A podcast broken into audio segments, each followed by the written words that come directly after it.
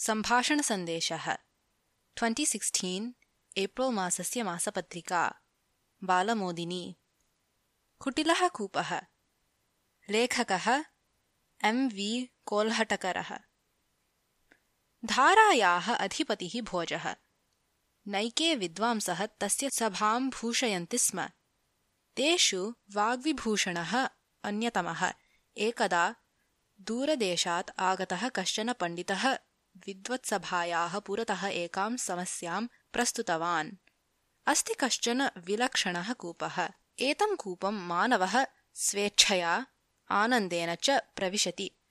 पश्चात् कूपात् बहिः आगन्तुं न शक्नोति। किं नाम तस्य कूपस्य इति? उत्तरं दातुं न कोऽपि अशक्नोत्। तस्य अतिथिपण्डितः अवदत् अस्तु सप्ताहं यावत् अवधिं दास्यामि। प्राप्तायां विफलतायां मह्यं जयपत्रं दातव्यम्। राजा एतत् अङ्ग्यकरोत्। तस्य अतिथिपण्डितस्य निर्गमनस्य अनन्तरं सः वाग्विभूषणम् अवदत् त्वया अस्य उत्तरम् अन्वेष्टव्यम् इति। वाग्विभूषणः चिन्ताग्रस्तः जातः। अतीतानि षड् दिनानि।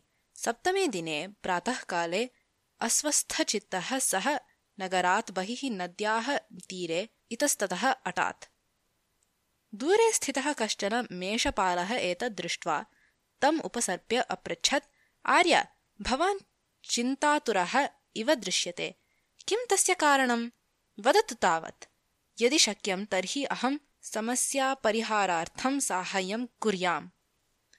एषः मेषपालः मम साहाय्यं कथं कुर्यात् इति चिन्तयन्।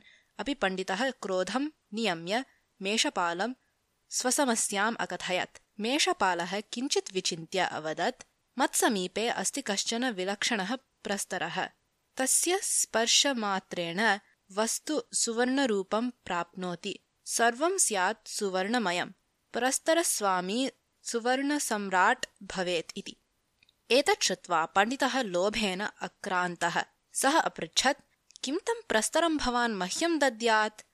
मेषपालः अवदत् अवश्यं दास्यामि किन्तु तदर्थं भवता मम वचनं पालनीयम्।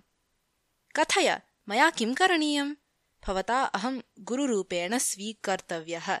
वाग्विभूषणः कोपेन अवदत् त्वं तु मूढशिरोमणिः। नीचजातिः च अहं कथं त्वां गुरुरूपेण स्वीकर्तुम् अर्हेयम्? अपूर्वप्रस्तरः इष्यते चेत् तत् अङ्गीकरणीयमेव। यदि एतद् भवतः सम्मतं न तर्हि अहम् इतः गच्छामि तावत् इति उक्त्वा मेषपालः ततः प्रस्थातुम् उद्यतः। तदा लोभाविष्टः पण्डितः प्रार्थयत मा गच्छ रे अहं त्वां गुरुरूपेण स्वीकरिष्यामि। अस्तु अस्ति मम द्वितीयः नियमः। भवता मेषदुग्धं सेवितव्यम् तदपि शुनकेन किञ्चेत् पीतम्। अहं तु वेदविद्याप्रवीणः जनः। कथं मया अपवित्रपशोः दुग्धं सेव्येत तदपि शुनकेन पीतम् किं माम् अवमानयसि? पण्डितः कोपेन अवदत्। यदि तत् न क्रियेत तर्हि अपूर्वप्रस्तरप्राप्तिः असम्भवा मेषपालः अवदत्। पण्डितेन एतत् अपि अभ्युपगतम् तदा मेषपालः अवदत् पश्यतु एतत् अस्ति समस्यायाः उत्तरम् मानवस्य कामना लोभः आसक्तिः इत्यादीनां समवायः एव सः विलक्षणः कूपः। मानवः स्वेच्छया तस्य अन्तर्भागं प्रविशति किन्तु आमरणम् एतस्मात् कूपात् बहिः आगन्तुं न शक्नोति।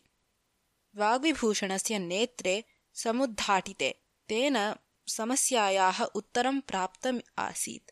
सः निरक्षरं मेषपालं प्रणम्य ततः प्रतिन्यवर्तत। कथा समाप्ता